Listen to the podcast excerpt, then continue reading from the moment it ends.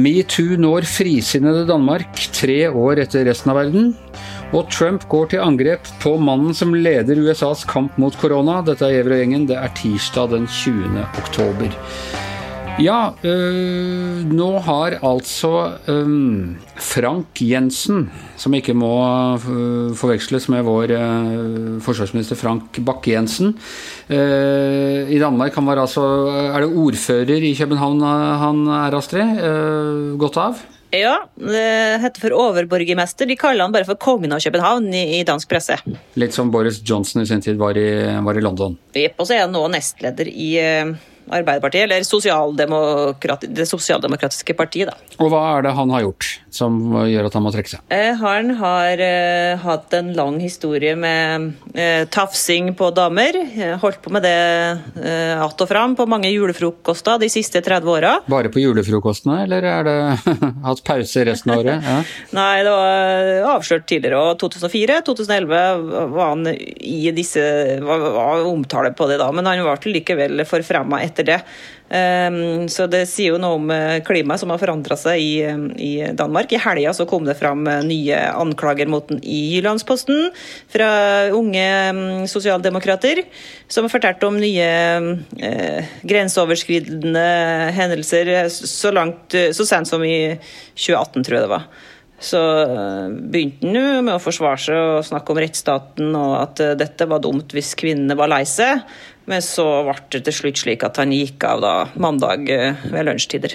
Og så Hans Petter, det har altså vært noe greier i Radikale Venstre, som vel da tilsvarer vårt Venstre og Ja, Det er jo enormt fort det har gått i Danmark. Det forrige uke da, så, så, så, ble da lederen for den radikale Venstre, som heter Morten Østegård, sa måtte da tak takke for seg eh, etter eh, masse beskyldninger om eh, tafsing og det som verre er. Og nå siden så har partiet der nærmest vært i full krig. Det er jo, det er jo et støtteparti for statsminister Mette Fredriksen, det her. Og et parti som på en måte i dansk sammenheng har vært liksom det gode partiet, det, det partiet for liberale, sånn, fem, altså feministiske Veldig sånn urbant parti. da, så at det skulle skje der, var liksom ikke helt ifølge, ifølge den der dreieboka Metoo. Så det, det, har gjort noe veldig sterkt med selvbildet i radikale venstre, at det er faktisk det partiet som først ble ordentlig ramma av det her. da. Men Altså, Danskene nærmest lo av Jeg kan ikke si at danskene kollektivt lo, men, men man har sett artikler hvor man, i dansk presse hvor man har latterliggjort litt både særlig Sverige, men også til en, grad, til en viss grad Norge pga. disse metoo-sakene vi har hatt. Og så var det en programleder som Sofie, heter Sofie Linde, som sto fram her for en måneds tid siden eh, på, på, et eh, sånn prisutdeling, og snakket om lønnsforskjeller og tafsing og en del sånne ting som uh, på en måte metoo-bevegelsen og fenomenet er laget av. Og etter det så virker det som ting bare har klappa sammen, falt som et korthus, Astrid? Ja, det er riktig. Altså. Det er jo tre år etter oss, da. Og jeg tenker kanskje det har noe med Danmarks selvbilde som sånn som du sier, liberal, og her er, vi driver ikke med sånn prippenhet. og her får folk bare Hvis de kommer i problemer, så tror jeg danskene har mer en sånn tendens til å skylde på den som er i problemer òg. Men hun, Sofie Linde ble jo superpopulær. Det var jo veldig omstridt det hun gjorde. Da. Hun, hun anklaga en, en, sånn TV- eller radiotopp for å eh, kreve en blowjob eh, av henne for noen år siden. Hvis ikke hun gjorde det, så skulle hun mest jobbe eller få problemer. eller noe sånt. Og lignende er jo flere som nå har fortalt om. Det bare åpna en slags eh, demning. da. Kom en sånn stor eh, underskriftskampanje med mange hundre, 350 kvinner, tror jeg, som skrev under på på, og støtta opp om det og fortalte om lignende hendelser. Egentlig eh, anonymt, for det meste. da. Um, og så kom jo de her navngitte varslerne som sto fram, da, som uh, var problemet etter hvert for politikerne, at, Frank Jensen spesielt. at at det kom jo bare mer og mer og mer eh, etter hvert som han unnskyldt, så det ble vanskelig for han å, å, stå i det.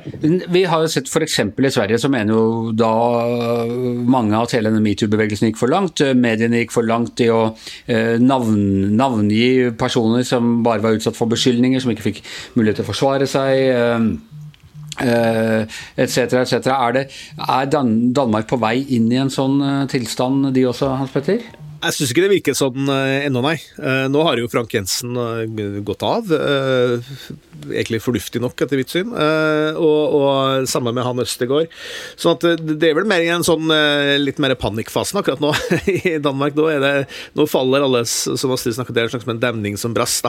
Det, det, det, som var litt morsomt, var det når vi så det der hun der Sofie Linde, det var jo på et sånn humorshow. ikke Hun stod frem, og, og folk som satt i salen, satt jo nærmest ølen i halsen, eller hva det nå hadde seg. Så det var liksom sånn en enorm sånn eh, Ikke bare en sånn demning, det var liksom en hele Skal man se den Supermann-filmen der den demningen borti San Francisco bare liksom ramla sammen, ikke sant? Fordi det, det virker som Danmark har på et eller annet som du starta med å si, Anders, også, det har liksom Det har nærmest skrytt litt, da. At det ikke har vært noe metoo i, i Danmark. Og liksom så viser det seg at det kanskje har vært verre der enn noen eh, andre steder. Fordi de sakene her er snakk om eh, Astrid nevnte jo det. altså Det der med, med sånn blowjobs og sånn. det var jo også en radiovert nå i dansk radio som, eh, Danmarks Radio, Mats Saagaard Danielsen, som, som, fikk sparken i går. fordi har også oppført seg på den måten her. Så, så, det virker jo som Danmark er veldig veldig på overtid her i, i metoo-sammenheng, eller i, i kvinnefrigjøringssammenheng generelt. Så det her var nok mange som har venta på muligheten til å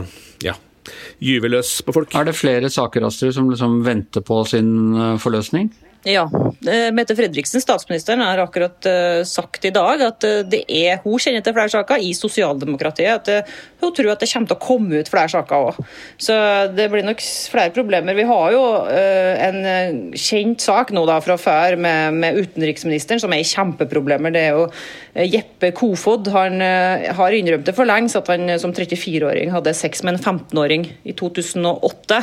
Den saken har nå blitt anmeldt. Så det er nok ikke den saken Mette Fredriksen snakka om. Hun snakka om nye saker i tillegg til dette. Men det er jo et kjempeproblem selvfølgelig for utenriksministeren fortsatt. Den seksuelle lavalderen er, er, er, 15 år da i Danmark, men det er anmeldt fordi det er noen som mener at det kan være snakk om voldtekt likevel, siden det var altså et uh, samleie med en uh, ung um, sosialdemokratisk aktiv jente som var praktikant på Christianborg.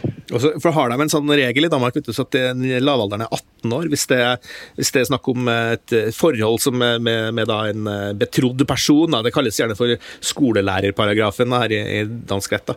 Så han Kofod eh, er nok i trøbbel nå, selv om det er veldig lenge siden. Det er mange jurister som sier at det her er forelda.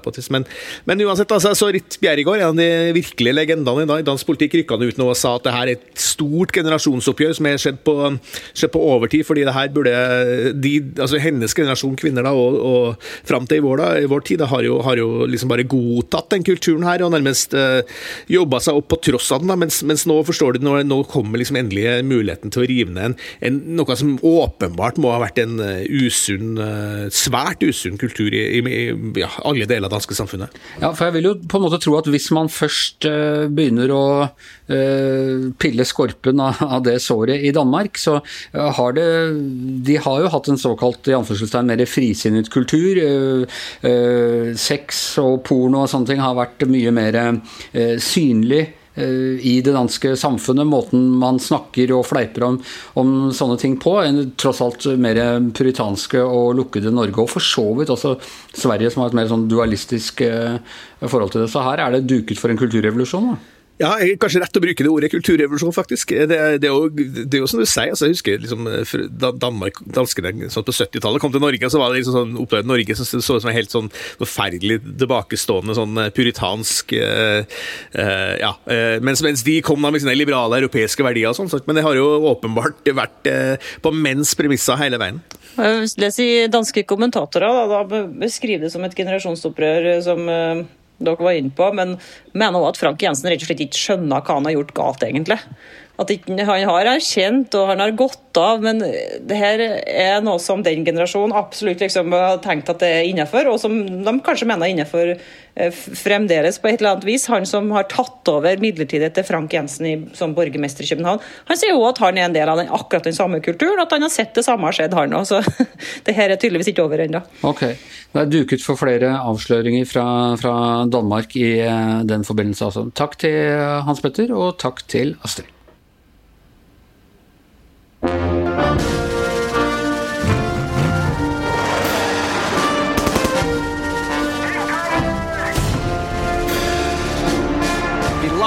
American people. Joe Biden is a weak person. Ja, Per Olav. Eh, I helgen nå så fikk jeg endelig sett den eh, serien som heter The Comey Rule, som er en HBO-dramatisering av forholdet mellom Trump og FBI-sjefen James Comey, som han jo da til slutt sparka. Jeg vil si Den har fått mye dårlig kritikk. Den vil jeg anbefale. Gi et interessant innblikk i ting vi for så vidt kjenner til. Men idet jeg er ferdig med å se den, så skrur jeg på CNN, og der er det toppnyheten at uh, Trump har gått til angrep tre ganger på en dag på Anthony Fauci, hans ledende pandemiekspert, mannen som liksom har ansvar for korona i Uh, USA. Og Det var på en måte bare en fortsettelse av serien. Det er jo sånn Trump opererer. Han angriper sine egne eh, nøkkelmenn Eh, hvis ikke gir ham det, det svaret han vil ha. Ja, og det der forholdet mellom Anthony Fauci og presidenten har jo vært vanskelig og krevende gjennom hele pandemien, men det har jo perioder tilsynelatende vært eh, harmonisk òg. Eh, Trump har jo rost ham i noen anledninger, før han angrepet han i andre. Han sa selv i går også, holdt han på med hvor very nice guy ja da. Fauci var, og at uh, han hadde latt ham få være mye på TV, for han elsket å være på TV, sa Trump. Ja, men så, så heter det seg at Trump har sagt til medarbeidere at Fauci er altfor mye på TV, og dessuten Dessuten har han åpenbart mislikt at Fauci har høyere approval rating, altså at folk synes han gjør en bedre jobb enn de synes presidenten gjør sin jobb. Og dette er jo sånne ting som, ikke, som han misliker sterkt, åpenbart, Trump.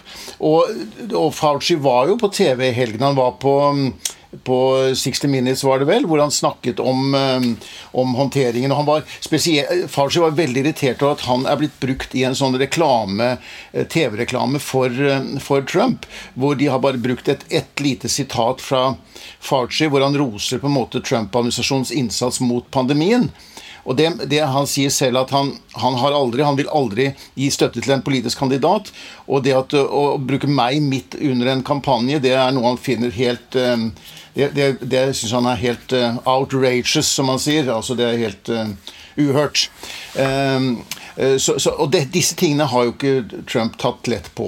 Og det der, Dette med at han skjelte ut Fauci, det var jo en samtale, eller, eller en telefonsamtale med kampanjemedarbeidere som også media kunne høre på.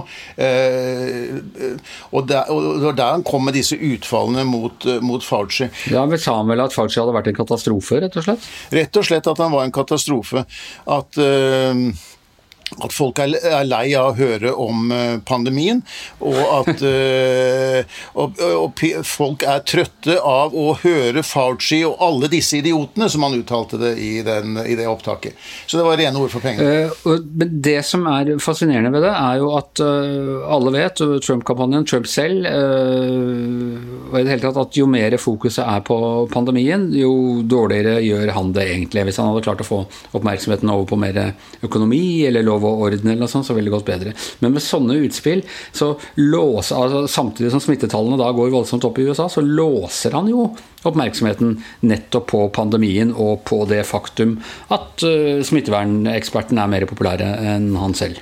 Ja, og det er det som er litt sånn overraskende med alt dette her. fordi det var jo sagt på forhånd at temaet for den der konferansetelefonen da, som de hadde med folk i kampanjen, var jo nettopp dette at nå i slutten skal vi snakke om det som er bra for oss, og det er økonomi. Altså Økonomi er et av de punktene hvor Trump jo faktisk har skåret høyere, eller i hvert fall minst like bra da, som Biden, når folk blir spurt om hva som er deres sterke sider. Og eh, Da skulle man liksom rette blikket fremover og se på den økonomiske eh, comebacket da, som USA skulle gjøre etter Og at eh, de skulle egentlig også fortsette med dette og så forsøke å ja, diskreditere Biden og, og, fremstille han som en veldig svak og dårlig kandidat, og snakke om økonomien og om det som skal komme hvis bare, hvis bare Trump blir gjenvalgt. Så, men så, begynner, så, klarer ikke Trump annet enn å snakke om pandemien. Det irriterer han åpenbart ikke. sant? Og Fauci hadde da nylig irritert han når han hadde sett ham på TV. Og så blir det likevel en hovedsak. Og dette er jo det, jeg kan ikke skjønne annet enn at, dette, at, han skader seg selv og sine egne muligheter i valget ved å stadig vende tilbake til det og fokusere på det som er åpenbart hans aller svakeste punkt. Men du har sittet og sett på den siste tiden på altså Mange meningsmålinger tyder på at uh, Biden kommer til å vinne. På nasjonale når det gjelder uh, flertall av stemmene, så er det temmelig sikkert at han vil få et flertall av stemmene, men det er fortsatt uh, en sjanse, riktignok synkende, da, for at Trump kan bli president. Men du har sett litt, sittet og sett litt på hva som faktisk kan gjøre ham til president, hva som er, nei, gjør at han uh, blir sittende som president. Uh, hvilke sjanser han, uh, han, har til å holde på Det hvite hus? Ja, altså det er jo klart at Han har fortsatt den muligheten til å gjenskape det han klarte i 2016, nemlig å dette er jo ikke noe nasjonalt valg, som alle vet. Dette er et valg i delstater. og Det gjelder da om å Det er heller ikke noe direkte valg til president. Det er et indirekte valg til valg, når du stemmer på valgmenn. Og de delstatene har jo valgmenn i forhold til hvor mange representanter de har i Washington. Eh, senatorer og representanter. Så det er jo et puslespill å sette sammen så du får disse 270 valgmennene da, som er tilstrekkelige for å bli valgt til president. Det klarte jo så vidt Trump for fire år siden eh, med å vinne i noen eh, helt avgjørende vippestater. Og selv om eh, Biden leder gjennomsnittet av målinger nå med 11% i USA, noe som tilsier at han det vil ikke være hvis det, er, hvis, det er, hvis det, er, et mål på det som faktisk skjer på valgdagen, og i forhåndsstemmer osv., så, videre, så så vil jo ikke det være tre millioner flere stemmer til Biden, slik det var med Hillary, som vant med tre millioner flere stemmer i 2016. Det vil være enda, enda større differanse enn det var i 2016. Men det, fortsatt, det, kan altså tenkes at med det valgsystemet som er, at uh, han kan vinne i noen viktige delstater, sånn som Pennsylvania, Ohio, Wisconsin, eh, Florida eh, eh, og, noen andre. Som, og at det kan bringe han over de 270. Det er ikke helt utenkelig, og det er der, det er der Trump setter inn sin, sin, valgkamp nå, først og fremst. Og så er det altså mulighet til, hvis valget ikke blir helt klart på, på valgnatten, og det er det jo relativt store sjanse for at det ikke blir, med poststemmer og i det hele tatt, at, at man kan få en sånn uklarhet om valgresultatet og skape uklarhet om det? Ja, fordi hvis, hvis nå Trump skulle vinne, vinne, med et flertall av valgmenn, så er jo det helt i tråd med, med boka, altså med den konstitusjonen. Da har han blitt rettmessig valgt som president. Eh, det vil jo klart at det, Man kan jo tenke seg at hvis da vil det være tredje gangen siden 2000 at en president har mindre støtte i folket men allikevel blir valgt. Altså han har et mindretall av folket, men blir likevel blir valgt pga. valgsystemet. Dette var en mer en sånn teoretisk uh, mulighet tidligere. Det var uh, eh, 44 valg fram til og med 1996 hvor det skjedde bare én gang i løpet av 44 presidentvalg at det ikke var samsvar mellom hvem som hadde flertall i valgmannskollegiet og i befolkningen som helhet. Så det er jo et konstitusjonelt problem i seg selv. Men, eh, men, de andre alternativene, nemlig at du får et veldig uklart og omdiskutert resultat, hvor det vil havne i rett i rettsvesenet med, ikke, at, med påstander da om omfattende valgfusk. Vi, vi, vi, har jo alle hørt Trump nå på forhånd si gjentatte ganger at det eneste måten demokratene kan vinne på, er gjennom valgfusk. Han har ikke lagt fram noe dokumentasjon eller bevis for hvordan dette foregår, men det er påstanden hans. Og dette, dette er åpenbart argumentet som da kan bli brukt i en sånn situasjon. Og Da kan du begynne å stille spørsmål ved valgresultatet både i den ene og den andre delstaten, og så kan det bli en lengre rettsprosess.